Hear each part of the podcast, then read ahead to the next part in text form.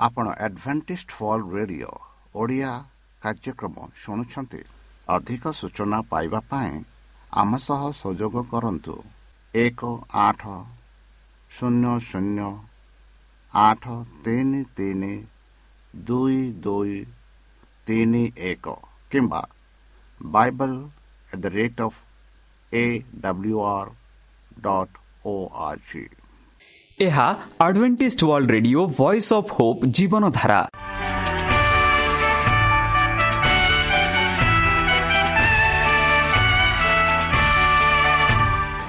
Odia radio କାର୍ଯ୍ୟକ୍ରମ ଯାହା ଆମର ଆନ୍ତର୍ଜାତୀୟ ଆଘାତ କେନ୍ଦ୍ରରୁ ପ୍ରସାରଣ କରାଯାଉଛି ପ୍ରତିଦିନ ରାତି ନଅଟା ତିରିଶ ମିନିଟ୍ରେ।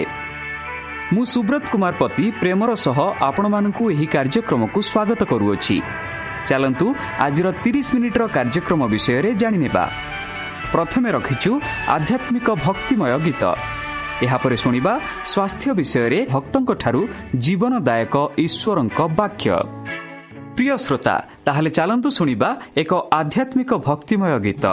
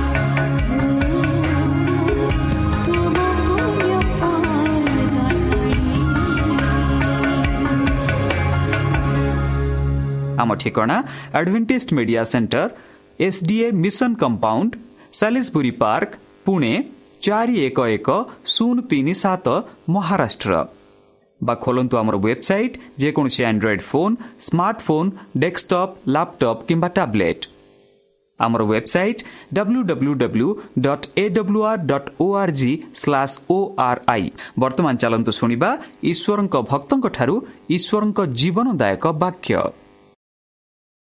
ଶେଷ ଉଦ୍ଧାର ଭାଗ ଏକ ନମସ୍କାର ପ୍ରିୟ ଶ୍ରୋତା ସେହି ସର୍ବଶକ୍ତି ସର୍ବଜ୍ଞାନୀ ପ୍ରେମର ସାଗର ଦୟାମୟ ଅନ୍ତର୍ଜମୀ ଅନୁଗ୍ରହ ପରମ ପିତାଙ୍କ ମଧୁର ନାମରେ ମୁଁ ପାଷ୍ଟ ପୂର୍ଣ୍ଣଚନ୍ଦ୍ର ଆଉ ଥରେ ଆପଣମାନଙ୍କୁ ଏହି କାର୍ଯ୍ୟକ୍ରମରେ ସ୍ୱାଗତ କରୁଅଛି. ସେହି ସର୍ବଶକ୍ତି ପରମେଶ୍ୱର ଆପଣମାନଙ୍କୁ ଆଶୀର୍ବାଦ କରନ୍ତୁ। ଆପଣଙ୍କୁ ସମସ୍ତ ପ୍ରକାର ଦୁଃଖ କଷ୍ଟ ବାଧା କ୍ଲେଶ ଓ ରୋଗରୁ ଦୂରେଇ ରଖନ୍ତୁ। ଶତ୍ରୁ ସଚେତନ ହସ୍ତରୁ ସେ ଆପଣଙ୍କୁ ସୁରକ୍ଷାରେ ରଖନ୍ତୁ। ତାହାଙ୍କ ପ୍ରେମ ତାହାଙ୍କ ସ୍ନେହ ତାହାଙ୍କ କୃପା ତାହାଙ୍କ ଅନୁଗ୍ରହ ସଦାସର୍ବଦା ଆପଣଙ୍କଠାରେ ସହବର୍ତ୍ତୀ ରହୁ। ପ୍ରିୟସୋତା ଚାଲନ୍ତୁ ଆଜି ଆମ୍ଭେ କିଛି ସମୟ ପବିତ୍ର ଶାସ୍ତ୍ର ବାଇବଲଠୁ ତାହାଙ୍କ ପବିତ୍ର ବାକ୍ୟ ଧ୍ୟାନ କରିବା ତାହାଙ୍କ ଜୀବନଦାୟକ ବାକ୍ୟ ଉପରେ ଆମେ ଧ୍ୟାନ କରିବା ତାହେଲେ ଚାଲନ୍ତୁ ଆଜି ବିଶେଷ ଭାବରେ ଆମେ ଆଲୋଚନା କରିବା ଶେଷ ଉଦ୍ଧାର ଯାହାକି ଇଂରାଜୀରେ ଆମେ କହୁଛୁ ଆଲ୍ଟିମେଟ୍ ଡେଲିଭରେନ୍ସ ଏହା କୌଣସି କାହାଣୀ ନୁହେଁ ବନ୍ଧୁ।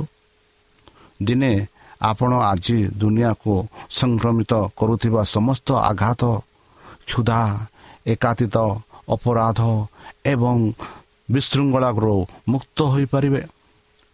ତାହା ଆଶ୍ଚର୍ଯ୍ୟଜନକ ନୁହେଁ ବନ୍ଧୁ କିନ୍ତୁ ଏହା କିଛି ପର ବିଶ୍ୱାସ ପରପକ୍ଷୀର ବିଶ୍ୱର ନେତା ହେବ ନାହିଁ ଯିଏ ଆପଣଙ୍କୁ ବିତରଣ କରିବାକୁ ଯାଉଛନ୍ତି। ନା।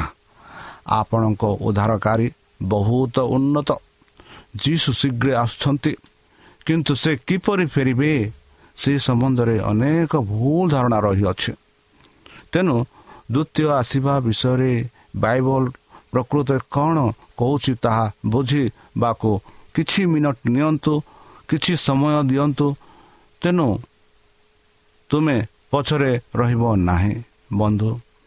ଆମେ ସକାରାତ୍ମକ ହୋଇପାରିବା କି ଯୀଶୁ ଦ୍ୱିତୀୟ ଥର ଫେରିବେ ଏଭ୍ରି ନଅ ଅଠାଇଶରେ କହୁଅଛି କି ଖ୍ରୀଷ୍ଟ ଦ୍ୱିତୀୟ ଥର ଆସିବେ ଆମେ ଖ୍ରୀଷ୍ଟକୁ ଦ୍ୱିତୀୟ ଥର ଦେଖିବେ ଦେଖିବା ଜହନ ଚଉଦ ତିନିରେ ଆମେ ଦେଖୁଛୁ ଯଦି ମୁଁ ଯାଇ ତୁମ ପାଇଁ ଏକ ସ୍ଥାନ ପ୍ରସ୍ତୁତ କରେ ତେବେ ମୁଁ ପୁନର୍ବାର ଆସିବି ଏହିପରି ଆପଣା ଶିଶୁମାନଙ୍କୁ କହିଲେ କି ମୁଁ ଆସିବି। ଦ୍ୱିତୀୟ ଥରେ ମୁଁ ଆସିବି ଆଉ ଥରେ ମୁଁ ଆସିବି ବର୍ତ୍ତମାନ ତୁମକୁ ଛାଡ଼ି ମୁଁ ଆସିବି ବର୍ତ୍ତମାନ ମୁଁ ଯାଉଅଛି ସ୍ୱର୍ଗରାଜ ଯାଉଛି ମୋ ପିତା ପାଖକୁ ଯାଉଅଛି ଆଉ ମୁଁ ଯିବି ତୁମ ପାଇଁ ସ୍ଥାନ ପ୍ରସ୍ତୁତ କରିବି ତୁମ ପାଇଁ ମହଲ ପ୍ରସ୍ତୁତ କରିବି ଆଉ ଯେବେ ମୁଁ ଆସିବି ତୁମକୁ ସେଇ ସ୍ଥାନକୁ ନେବି ବୋଲି ପୁନର୍ବାର ମୁଁ ଆସିବି ବୋଲି ପବିତ୍ର ଶାସ୍ତ୍ର ବାଇବଲରେ କହୁଅଛି। ହଁ ବନ୍ଧୁ ଯୀଶୁ ଖ୍ରୀଷ୍ଟ ବହୁ ଶୀଘ୍ର ଆସୁଅଛନ୍ତି। ମାଥ୍ୟୁ ଛବିଶ ଚଉଷଠିରେ ଯୀଶୁ କହିଥିଲେ ଏହିପରି ଯେ ପୁନର୍ବାର ଏହି ପୃଥିବୀକୁ ଆସିବେ ବୋଲି। ଯେହେତୁ ଶାସ୍ତ୍ର ଗୁଡ଼ିକ ଭାଙ୍ଗି ଶାସ୍ତ୍ର ଗୁଡ଼ିକ କେବେ ହେଲେ ଭୁଲ ହୋଇପାରିବ ନାହିଁ ଜହନ ଦଶ ପଚିଶ ଆମେ ଦେଖୁଛୁ। ବନ୍ଧୁ ଏହା ଏକ ସକାରାତ୍ମକ ପ୍ରମାଣ ଅଟେ। ଏହା ଖ୍ରୀଷ୍ଟଙ୍କର ଖ୍ରୀଷ୍ଟଙ୍କର ନିଜର ବ୍ୟକ୍ତିଗତ ଏକ ଗ୍ୟାରେଣ୍ଟି କି ସେ ନିଶ୍ଚିତ ଭାବେ ଆସିବେ। ସେ ଯାହା କହିଛନ୍ତି ତାହା ନିଶ୍ଚିତ ରୂପେ କରିବେ। ଏହା ବ୍ୟତୀତ ଯୀଶୁ ତାଙ୍କର ପ୍ରଥମ ଆସିବାର ଭବିଷ୍ୟତବାଣୀ ଗୁଡ଼ିକ ପୂରଣ କଲେ। ତେଣୁ ଆମେ ନିଶ୍ଚିତ ହେବାର ଭାବରେ ନିଶ୍ଚିତ ହୋଇପାରିବା ଯେ ସେ ମଧ୍ୟ ତାଙ୍କ ଦ୍ୱିତୀୟ ଆସିବା ବିଷୟରେ ଯାହା ଯାହା କହିଛନ୍ତି ଭବିଷ୍ୟତବାଣୀ କରିଛନ୍ତି ତାହା ପୂରଣ ହେବ ତାହା ଆମେ ନିଶ୍ଚିତ ହେବା ପଡ଼ିବ। ଯୀଶୁ ଦ୍ୱିତୀୟ ଥର କିପରି ଆସିପାରିବେ ଯୀଶୁ କିପରି ଦ୍ୱିତୀୟ ଥର ଆସିବେ ପ୍ରଥମ ଥର ଯେପରି ଆସିଥିଲେ ଏକ ବାଲ୍ୟ ସ୍ୱରୂପରେ ଆସିଥିଲେ ଆଉ ଦ୍ୱିତୀୟ ଥର ସେ କିପରି ଆସିବ କି ରୂପ ନେଇ ଆସିବେ ଯଦି ଆମେ ଦେଖିବା ପ୍ରେରିତ ଏକ ନଅ ଟୁ ଏଗାର ପାଉଲ ଏହିପରି ଲେଖନ୍ତି ଯେ ସେତେବେଳେ ସେ ଏହିସବୁ କଥା କହିଥିଲେ ସେତେବେଳେ ସେମାନେ ତାଙ୍କୁ ଉଠାଇଲେ ଏବଂ ମେଘ ତାଙ୍କୁ ସେମାନଙ୍କ ଦୃଷ୍ଟିରୁ ଗ୍ରହଣ କଲା। ମାନେ ସେ ଉପରକୁ ଯିବା ବେଳେ ସେମାନେ ସ୍ଥିର ଭାବରେ ସ୍ୱର୍ଗ ଆଡ଼କୁ ଚାହିଁଲେ ଦେଖ ଦୁଇ ଜଣ ଧଳା ପୋଷାକ ପିନ୍ଧି ସେମାନଙ୍କ ପାଖରେ ଠିଆ ହୋଇ ସେମାନଙ୍କ ମଧ୍ୟରେ କହିଥିଲେ ହେ ଗାଲିଲି ଲୋକ ଆପଣ କାହିଁକି ସ୍ୱର୍ଗକୁ ଚାହୁଁଛନ୍ତି? ଏହି ଯୀଶୁ ଯିଏ ତୁମଠାରୁ ସ୍ୱର୍ଗକୁ ନିଆଯାଇଥିଲେ ନିଆଯାଉଛନ୍ତି ସେ ପୁଣି ସେହିପରି ସ୍ୱର୍ଗକୁ ସ୍ୱର୍ଗରୁ ଫେରିବେ ଫେରଗରୁ ଆସିବେ ବୋଲି ସେଇ ଯେଉଁ ଗାଲିଲିଓଲ ମାନଙ୍କୁ ସେହି ସମୟରେ ସେହି ଦୂତମାନେ ସେହି ସମ୍ବାଦ ସେମାନଙ୍କୁ ଦେଇଥିଲେ। ଦ୍ୱିତୀୟ ଥର ପ୍ରଭୁ ଯୀଶୁ ପ୍ରଥମ ଥର ଯେପରି ଆସିଲା ସେହିପରି ଆସିବେନି ଦ୍ୱିତୀୟ ଥର ଯେପରି ସେ ଯେପରି ସେ ସ୍ୱର୍ଗକୁ ଗଲେ ସେହି ରୂପରେ ସ୍ୱର୍ଗରୁ ସେ ଆସିବେ ବୋଲି ସେଇ ଗାଲିଲିଏ ମାନଙ୍କୁ ସେଇ ଦୂତମାନେ କହିଲେ ଆଉ ସେଇ ଯେଉଁ ସମ୍ବାଦ ଆମମାନଙ୍କୁ ବି ଲାଗୁ ରହୁଅଛି କି? ପ୍ରଭୁ ଯୀଶୁ ସ୍ୱର୍ଗରେ ଆସିବେ। ମାନେ ତାଙ୍କ ଦୂତଙ୍କ ସହ ଯେପରି ସ୍ୱର୍ଗକୁ ଗଲେ ସେହିପରି ସ୍ୱର୍ଗ ଆରୋହଣ କରିବେ। ବନ୍ଧୁ ଶାସ୍ତ୍ର ଆମମାନଙ୍କୁ ପ୍ରତିଜ୍ଞା କରୁଛି ଯେ ଯୀଶୁ ଯେପରି ଛାଡ଼ି ଯାଇଛନ୍ତି ସେହିଭଳି ଭାବରେ ସେ ଆସିବେ ପୃଥିବୀକୁ। ଏକ ଦୃଶ୍ୟମାନ ମାନେ ଆମେ ଦେଖିପାରିବା। ଦୁଇ ଆକ୍ଷରିକ ଭାବେ। ତିନି ଶାରୀରିକ ଭାବେ। ଚାରି ବ୍ୟକ୍ତିଗତ ଢଙ୍ଗରେ। ମନେ ରଖନ୍ତୁ ଏକ ଦୃଶ୍ୟମାନ ରୂପରେ ଦୁଇ ଆକ୍ଷରିକ ଭାବରେ ତିନି ଶାରୀରିକ ଭାବରେ ଆଉ ଚାରି ବ୍ୟକ୍ତିଗତ ଢଙ୍ଗରେ। ମାଥ୍ୟୁ ଚବିଶ ତିରିଶରେ କୁହନ୍ତି ସେମାନେ ମନୁଷ୍ୟ ପୁତ୍ରଙ୍କୁ ସ୍ୱର୍ଗ ମେଘ ଉପରେ ଶକ୍ତି ଏବଂ ମହାନ ଗୌରବ ସହିତ ଆସୁଥିବା ଦେଖିଲେ। କିଏ? ସେଇ ଯେଉଁ ସାଧୁମାନେ। ଯିଏକି ପରମେଶ୍ୱରଙ୍କ ଆଜ୍ଞା ମାନି ପରମେଶ୍ୱରଙ୍କ ବିଶ୍ୱାସ କରି ଯେଉଁମାନେ କି ତାହାଙ୍କ ଆଜ୍ଞା ତାଙ୍କ ଦ୍ୱିତୀୟ ଆଗମନ ପାଇଁ ଅପେକ୍ଷା କରୁଥିଲେ ସେମାନେ ମେଘ ଉପରକୁ ଦେଖିଲେ। ଆଉ କ'ଣ ଦେଖିଲେ? ଶକ୍ତି ଏବଂ ମହାନ ଗୌରବ ସହିତ ଆସୁଥିବା ସେମାନେ ଦେଖିଲେ। ସେ ମାଂସ ଏବଂ ହାଡ଼ର ଶରୀର ସହିତ ବ୍ୟକ୍ତିଗତ ଭାବରେ ମେଘରେ ଆସିବେ। ମାନେ ଯେଉଁପରି ଆମେ ବର୍ତ୍ତମାନ ଶରୀର ମାଂସ ହାଡ଼ ରହିଛି ସେ ଏକ ହାଡ଼ ବିନା ମାଂସ ବିନା ରୂପ ଆସିବେ ନାହିଁ ସେ ମାଂସ ବ୍ୟକ୍ତିଗତ ଭାବେ ମାଂସ ଆକ୍ଷାରିକ ଭାବେ ଶାରୀରିକ ଭାବେ ବ୍ୟକ୍ତିଗତ ଅଦୃଶ୍ୟମୟ ମାନ ରୂପେ ସେ ଆସିବେ। ତାଙ୍କର ଆଗମନ ଦୃଶ୍ୟମାନ ହେବ। ଏହି ତଥ୍ୟ ଗୁଡ଼ିକ ଶାସ୍ତ୍ରରେ ଆମେ ସ୍ପଷ୍ଟ ରୂପେ ପାଉଅଛୁ। ତାହା ମାନେ ଯୀଶୁଖ୍ରୀଷ୍ଟ ନିଶ୍ଚିତ ରୂପେ ଆସିବେ।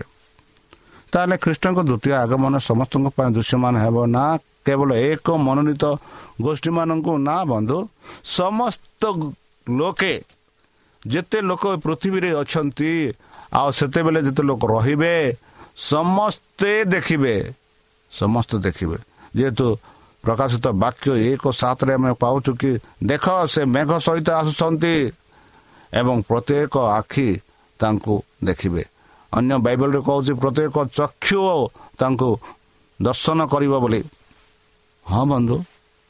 ମାତୃ ଚବିଶ ସତେଇଶ ପୂର୍ବଠାରୁ ବିଜୁଳି ଯେପରି ପଶ୍ଚିମ ଦିଗକୁ ଆସେ ସେହିପରି ମଣିଷ ପୁତ୍ରଙ୍କ ଆଗମନ ମଧ୍ୟ ହେବ। ଯେବେ ବିଜୁଳି ହୁଏ ସେତେବେଳେ ପୂର୍ବରୁ ପଶ୍ଚିମ ଆମେ ଦେଖିପାରୁଛୁ ବିଜୁଳି ସେ ସେହିପରି ପୂର୍ବ ପଶ୍ଚିମ ଉତ୍ତର ଦକ୍ଷିଣ ଚାରିପଟେ ଲୋକ ସମସ୍ତେ ଦେଖିବେ ସାରା ପୃଥିବୀର ଲୋକ ଦେଖିବେ ଯେଉଁ ଯୀଶୁ ପ୍ରଭୁ ଏହି ପୃଥିବୀକୁ ଆସିବେ। ବନ୍ଧୁ ପ୍ରଭୁ ନିଜେ ସ୍ୱର୍ଗରୁ ଏକ ଚିତ୍କାର ମାନେ ଆବାଜ ଦେବେ। ଜଣେ ଦୂତଙ୍କ ସ୍ୱର ଏବଂ ଈଶ୍ୱର ତୁରି ସହିତ ଓହ୍ଲାଇବେ ଏବଂ କୃଷ୍ଣଙ୍କ ଠାରେ ମୃତ୍ୟୁମାନେ ପୁନରୁଦ୍ଧିତ ହେବେ। ଦେଖନ୍ତୁ ବନ୍ଧୁ କେଡ଼େ ସୁନ୍ଦର ବାକ୍ୟ ଆମେ ଦେଖୁଅଛୁ। ଯେବେ ପ୍ରଭୁ ଯୀଶୁ ଏହି ପୃଥିବୀକୁ ଆସିବେ ସେତେବେଳେ ସେ ଚିତ୍କାର କରି ଆସିବେ। ଯେବେ ଚିତ୍କାର କରିବେ ଯେତେ ଲୋକ ବଞ୍ଚିଛନ୍ତି ଯେତେ ଲୋକ ମୃତ୍ୟୁ ହୋଇଛନ୍ତି ତାଙ୍କ ଚିତ୍କାର ଶୁଣି ସେମାନେ ସେଇ କବରରୁ ଉଠିବେ। ଆଉ ଯେତେ ଲୋକ ବଞ୍ଚିଛନ୍ତି ସେମାନେ ଆନନ୍ଦରେ ଉପରକୁ ଦେଖିବେ। ସେ ସେହି ଯେଉଁ ସ୍ୱର ଏବଂ ଈଶ୍ୱରଙ୍କ ତୁରି ସହିତ ସେ ଓହ୍ଲାଇବେ। ଆଉ ସେତେବେଳେ କ'ଣ? ପ୍ରତ୍ୟେକ ଚକ୍ଷୁ ତାଙ୍କୁ ଦେଖିବ। ପ୍ରତ୍ୟେକ ଚକ୍ଷୁ ଦେଖିପାରିବ। ଆପଣ ଦେଖିପାରିବେ ମୁଁ ଦେଖି ସମସ୍ତେ ଦେଖିପାରିବେ। ପ୍ରଥମ ଥେସଲ ନିଅ ଚାରି ଷୋହଳରେ ଆମେ ଦେଖୁ। ପ୍ରଭୁ ନିଜେ ସ୍ୱର୍ଗରୁ ଏକ ଚିତ୍କାର ଜଣେ ଦୂତଙ୍କ ସ୍ୱର ଏବଂ ଈଶ୍ୱରଙ୍କ ତୁରି ସହିତ ଓହ୍ଲାଇବେ ଏବଂ ଖ୍ରୀଷ୍ଟଙ୍କ ଠାରେ ମୃତ୍ୟୁମାନେ ପୁନରୁତ ହେବେ ବୋଲି ଆମେ ଏହିପରି ପାଉଛୁ। ବନ୍ଧୁ ଦୁନିଆରେ ବାସ କରୁଥିବା ପ୍ରତ୍ୟେକ ପୁରୁଷ ସ୍ତ୍ରୀ ଏବଂ ଶିଶୁ ଯେତେବେଳେ ଯୀଶୁ ଫେରିବେ ସେତେବେଳେ ତାଙ୍କୁ ଦ୍ୱିତୀୟ ଆସିବା ସମୟରେ ଦେଖିବେ।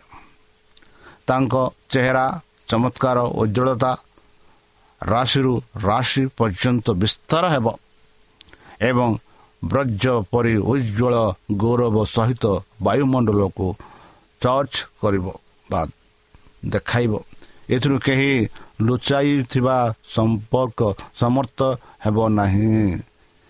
ଏହା ଏକ ଉଚ୍ଚ ସ୍ୱର ନାଟକୀୟ ଘଟଣା ହେବ ଯେଉଁଥିରେ ମୃତ୍ୟୁମାନେ ମଧ୍ୟ ପୁନର୍ଜୀବିତ ହେବେ।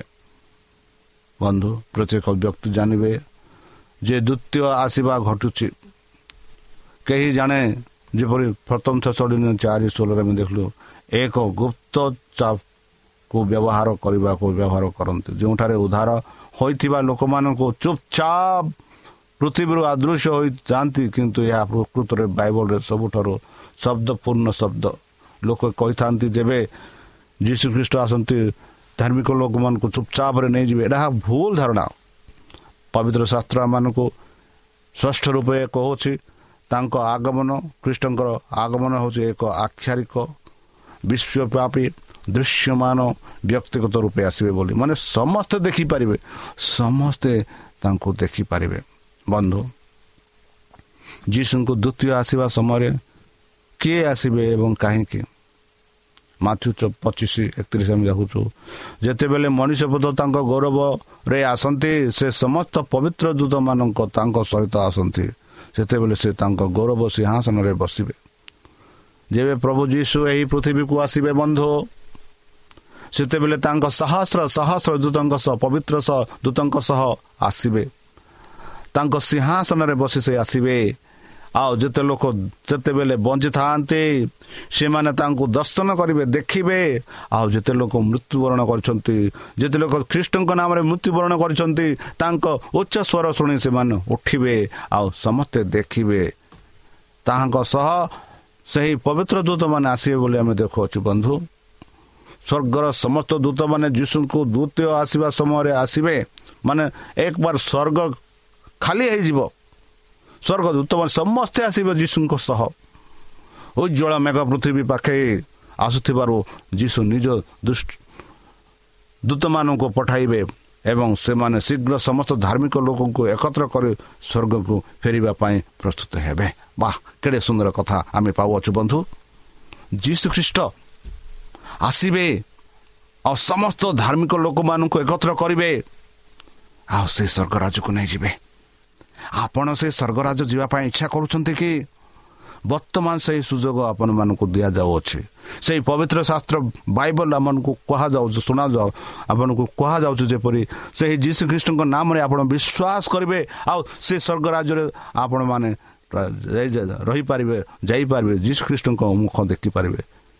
ଏହି ଯେଉଁ ବାକ୍ୟମାନଙ୍କୁ କହୁଛି ନିଜ ଦୂତମାନଙ୍କୁ ପଠାଇବେ ଏବଂ ସେମାନେ ଶୀଘ୍ର ସମସ୍ତ ଧାର୍ମିକ ଲୋକଙ୍କୁ ଏକତ୍ର କରି ସ୍ୱର୍ଗକୁ ଫେରିବା ପାଇଁ ପ୍ରସ୍ତୁତ କରିବେ। ବନ୍ଧୁ ଆପଣ ସ୍ୱର୍ଗରାଜ ଯିବା ପାଇଁ ଇଚ୍ଛା କରୁଛନ୍ତି କି? ଯେହେତୁ ଏହି ପୃଥିବୀକୁ ଯୀଶୁ ଦ୍ୱିତୀୟ ଥର ଆସିବାର ଉଦ୍ଦେଶ୍ୟ କ'ଣ? ଉଦ୍ଦେଶ୍ୟ ହେଉଛି ତାଙ୍କ ଧାର୍ମିକ ଲୋକମାନଙ୍କୁ ସେ ସ୍ୱର୍ଗରାଜ ନେବା ଯେପରି ପ୍ରକାଶିତ ବାଇଶ ବାରରେ ଆମେ ଦେଖୁଛୁ ଦେଖ ମୁଁ ଶୀଘ୍ର ଆସୁଛି। ବହୁତ ଶୀଘ୍ର ଆସୁଛନ୍ତି। ବନ୍ଧୁ ଯେଉଁ ସମୟରେ ଆମେ ବର୍ତ୍ତମାନ ବାସ କରୁଛେ ଯେଉଁ ପରିସ୍ଥିତିରେ ଆମେ ନିଜ ଜୀବନକୁ ଗଢ଼ାଉଅଛୁ ବା ବିତାଉଅଛୁ ଯେଉଁ ସମସ୍ୟାରେ ଆମେ ଘେରି ରହିଅଛୁ ବନ୍ଧୁ ଯଦି ଦେଖିବା ଏହା ଦର୍ଶାଏ ଯେ ଯୀଶୁଖ୍ରୀଷ୍ଟ ବହୁ ଶୀଘ୍ର ଆସୁଛନ୍ତି। ଦେଖ ମୁଁ ଶୀଘ୍ର ଆସୁଅଛି ଏବଂ ମୋର ପୁରସ୍କାର ମୋ ସହିତ ଅଛି।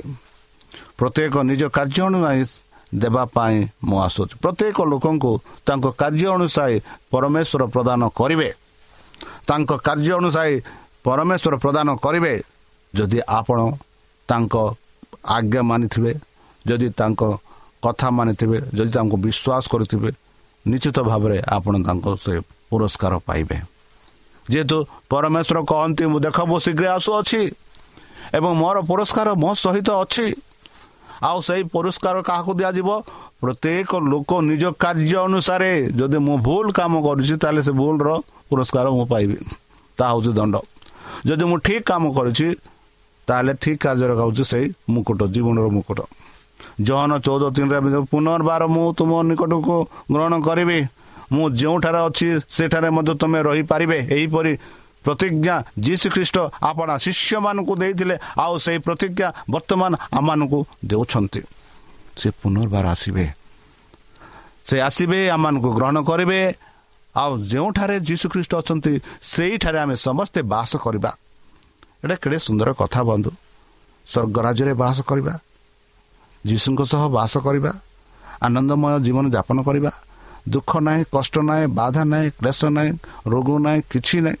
ସମସ୍ୟା ନାହିଁ କିଛି ନାହିଁ। ଆମେ ଆନନ୍ଦରେ ଖୁସିରେ ଯୀଶୁଖ୍ରୀଷ୍ଟଙ୍କ ସହ ସେହି ସ୍ୱର୍ଗରାଜ୍ୟରେ ଥିବା। ପ୍ରେରିତ ତିନି କୋଡ଼ିଏ ଏକୋଇଶରେ ଆମେ ପାଉଛୁ ବନ୍ଧୁ ଯେପରି ସେ ଯୀଶୁଖ୍ରୀଷ୍ଟଙ୍କୁ ପଠାଇ ପାରିବେ ଯାହାକୁ ସମସ୍ତ ଜିନିଷର ପୁନରୁଦ୍ଧାର ସମୟ ପର୍ଯ୍ୟନ୍ତ ସ୍ୱର୍ଗ ଗ୍ରହଣ କରିବା ଉଚିତ। ବନ୍ଧୁ ଯୀଶୁ ନିଜ ଲୋକମାନଙ୍କୁ ଉଦ୍ଧାର କରିବା ପାଇଁ ଏହି ପୃଥିବୀକୁ ଫେରି ଆସୁଛନ୍ତି। ଯେପରି ସେ ପ୍ରତିଜ୍ଞା କରିଥିଲେ ଏବଂ ସେ ସେମାନଙ୍କ ପାଇଁ ପ୍ରସ୍ତୁତ କରୁଥିବା ସୁନ୍ଦର ସୁନ୍ଦର ସୁନ୍ଦର ଘର ଯାହାକି ଆମମାନଙ୍କ ପାଇଁ ତମମାନଙ୍କ ପାଇଁ ସମସ୍ତଙ୍କ ପାଇଁ ପ୍ରସ୍ତୁତ କରୁଛନ୍ତି। ଆଉ ଯେବେ ଯୀଶୁଖ୍ରୀଷ୍ଟ ଆସିବେ ସେତେବେଳେ ଏଇ ଯେଉଁ ସୁନ୍ଦର ସୁନ୍ଦର ଗୃହ ଘର ଗୁଡ଼ାକ ଆମମାନଙ୍କୁ ଦିଆଯିବ ଯେଉଁଠାରେ ଆମେ ଚିରସ୍ଥାୟୀ ବାସ କରିବା। ବନ୍ଧୁ ଯେତେବେଳେ ଯୀଶୁ ଦ୍ୱିତୀୟ ଥର ଆସିବେ ଧାର୍ମିକ ଲୋକମାନେ ସହିତ କ'ଣ ହେବ ବୋଲି ଯଦି ଆପଣ ଏହିପରି ପ୍ରଶ୍ନ କରିବେ? ପ୍ରଥମ କରନ୍ତି ପନ୍ଦର ଏକାବନ ଟୁ ତେବନ ଯଦି ପଢ଼ିବା ଆଉ ପ୍ରଥମ ତେସଲିନ୍ ଚାରି ଷୋହଳ ସତର ପଢ଼ିବା ଫିଲିପିଓ ତିନି କୋଡ଼ିଏ ଏକୋଇଶ ପଢ଼ିବା ସେଠି ଆମେ ପାଉଛୁ ଏହିପରି। ପ୍ରଭୁ ନିଜେ ସ୍ୱର୍ଗରୁ ଓହ୍ଲାଇବେ ଏବଂ ଖ୍ରୀଷ୍ଟଙ୍କଠାରେ ମୃତ୍ୟୁମାନେ ପ୍ରଥମ ଥର ପୁନରୁଦ୍ଧାର ହେବେ। ତାପରେ ଆମ୍ଭେମାନେ ଜୀବିତ ଜୀବିତ ରହି ପ୍ରଭୁଙ୍କ ଆକାଶରେ ଭେଟିବା ପାଇଁ ମେଘରେ ସେମାନଙ୍କ ସହିତ ମିଶିଯିବା। ଏହିପରି ଏବଂ ଏହିପରି ଭାବରେ ଆମେ ସର୍ବଦା ପ୍ରଭୁଙ୍କ ସହିତ ରହିବୁ। ବନ୍ଧୁ ଯେବେ ଯୀଶୁଖ୍ରୀଷ୍ଟ ଆସିବେ ପୁନର୍ବାର ଓହ୍ଲାଇବେ। ସମସ୍ତେ ମୃତ୍ୟୁମାନେ ଯେଉଁମାନେ ଯୀଶୁଖ୍ରୀଷ୍ଟଙ୍କ ନାମରେ ଯୀଶୁଖ୍ରୀଷ୍ଟଙ୍କୁ ବିଶ୍ୱାସ କରି ତାଙ୍କ ଆଜ୍ଞା ମାନିଥିଲେ ଆଉ ସେମାନେ ମରଣରେ ଅଛନ୍ତି ସେମାନେ ଜି ଉଠିବେ ଜୀବିତ ହେବେ ବୋଲି ପବିତ୍ର ଶାସ୍ତ୍ର ବାଇବଲ ମାନଙ୍କୁ କହୁଅଛି। ଆଉ ଯେତେ ଲୋକ ବଞ୍ଚି ରହନ୍ତି ସେମାନେ ଆଉ ଏମାନେ ଉଭୟ ଏକତ୍ର ହୋଇ ସେଇ ସଦାପ୍ରଭୁ ପରମେଶ୍ୱରଙ୍କ ସହ ସେ ସ୍ୱର୍ଗରାଜକୁ ଯିବେ ବୋଲି ଆମେ ଦେଖୁଅଛୁ। ଆମେ ସମସ୍ତେ ପରିବର୍ତ୍ତିତ ହେବୁ ଏବଂ ମୃତ୍ୟୁମାନେ ପୁନରୁଦ୍ଧିତ ହେବେ। କାରଣ ଏହି ମର୍ତ୍ତ୍ୟ ଅମରତାକୁ ପିନ୍ଧିବା ଉଚିତ ବନ୍ଧୁ। ବର୍ତ୍ତମାନ ଯେଉଁ ସମୟରେ ଆମେ ବାସ କରୁଛୁ ଆମେ ମଧ୍ୟ ଉତ୍ସାହର ସହିତ ଅପେକ୍ଷା କରୁଛୁ ବନ୍ଧୁ। ପ୍ରଭୁ ଯୀଶୁଖ୍ରୀଷ୍ଟ ଯିଏ ଆମର ନମ୍ର ଶରୀରକୁ ପରିବର୍ତ୍ତନ କରିବେ ଯାହା ଦ୍ୱାରା ଏହା ତାଙ୍କ ଗୌରବମୟ ଶରୀର ସହିତ ସମ୍ମାନ ହେବ। ତାହେଲେ ପ୍ରିୟସତା ଚାଲନ୍ତୁ ଏହା ଆଗକୁ ଯିବା ପୂର୍ବରେ ଥିବା ଥିବା କାହାଣୀ ଥିବା ବିଷୟରେ ଆମେ କାଲିକୁ ଆଲୋଚନା କରିବା। ବର୍ତ୍ତମାନ ଚାଲନ୍ତୁ ନିଜକୁ ସମର୍ପଣ କରି ତାହାଙ୍କ ମଧୁର ନାମେ ଆମେ ପ୍ରାର୍ଥନା କରିବା। ଯୀଶୁଖ୍ରୀଷ୍ଟ ବହୁ ଶୀଘ୍ର ଆସୁଛନ୍ତି। ଚାଲନ୍ତୁ ତାଙ୍କ ଆଜ୍ଞା ମାନିବା ତାଙ୍କ କଥା ମାନି ଆଗକୁ ଚାଲିବା। ନିଜକୁ ସମର୍ପଣ କରି ତାଙ୍କ ମଧୁର ନାମରେ ପ୍ରାର୍ଥନା କରିବା। ହେ ଆମ୍ଭମାନଙ୍କ ସର୍ବଶକ୍ତି ସର୍ବଜ୍ଞାନୀ ପ୍ରେମର ସାଗର ଦୟାମୟ ଅନ୍ତର୍ଜମୀ ଅନୁଗ୍ରହ ପରମ ପିତା ଧନ୍ୟବାଦ ଅର୍ପଣ କରୁଅଛୁ। ବର୍ତ୍ତମାନ ଯେଉଁ ବାକ୍ୟ ତୁମ ଭକ୍ତମାନଙ୍କୁ ଶୁଣିଲେ ସେହି ବାକ୍ୟ ଅନୁସାରେ ଏମାନଙ୍କୁ ଚାଲିବା ପାଇଁ ବୁଦ୍ଧିରେ ଜ୍ଞାନରେ ଶକ୍ତିରେ ପରିପୂର୍ଣ୍ଣ କର। ଆମ ପାପ ସବୁ ତୁମ ସେହି ପ୍ରେମମୟ ରକ୍ତରେ ପରିଷ୍କାର ରୂପେ ଧୋଇଦିଅ ଆଉ ପରିଶେଷ ଯେବେ ତୁମେ ତୁମ ସେହି ସହସ୍ରଦୂତଙ୍କ ସହ ଆସିବେ ସେତେବେଳେ ଆମମାନଙ୍କୁ ଏକ ବାସସ୍ଥାନ ଦିଅ ବୋଲି ତ୍ରାଣକର୍ତ୍ତା ପ୍ରଭୁ ଯୀଶୁଙ୍କ ମଧୁରମୟ ନାମରେ ଏହି ଛୋଟ ବିକ୍ଷମ ଅଛି ତୁମେ ଗ୍ରହଣ କର। ଆମେ ପ୍ରିୟ ଶ୍ରୋତା ଆମେ ଆଶା କରୁଛୁ ଯେ ଆମର କାର୍ଯ୍ୟକ୍ରମ ଆପଣମାନଙ୍କୁ ପସନ୍ଦ ଲାଗୁଥିବ। ଆପଣଙ୍କର ମତାମତ ଜଣାଇବା ପାଇଁ ଆମର ଏହି ଠିକଣାରେ ଯୋଗାଯୋଗ କରନ୍ତୁ ଆମ ଠିକଣା Adventist media centre S D A mission compound Salisbury Park Pune ଚାରି ଏକ ଏକ ଶୂନ ତିନି ସାତ ମହାରାଷ୍ଟ୍ର ବା ଖୋଲନ୍ତୁ ଆମର ୱେବସାଇଟ୍ ଯେକୌଣସି Android phone smartphone desktop laptop କିମ୍ବା ଟ୍ୟାବ୍ଲେଟ୍ ଆମର website W W W dot A W R dot O R G slash O R I ଏବଂ W W W dot Adventist media centre India dot O R G Adventist media centre ଇଣ୍ଡିଆର spelling ହେଉଛି A D V E N T I S T M E D I A C E N T R E I N D I A ଅଥବା download କରନ୍ତୁ ଆମର mobile app ଆପଣଙ୍କର mobile play ଷ୍ଟୋର୍କୁ ଯାଆନ୍ତୁ ଆଉ type କରନ୍ତୁ the Voice of Hope ଆଉ download କରନ୍ତୁ ଈଶ୍ୱର ଆପଣଙ୍କୁ ଆଶୀର୍ବାଦ କରନ୍ତୁ। ଧନ୍ୟବାଦ।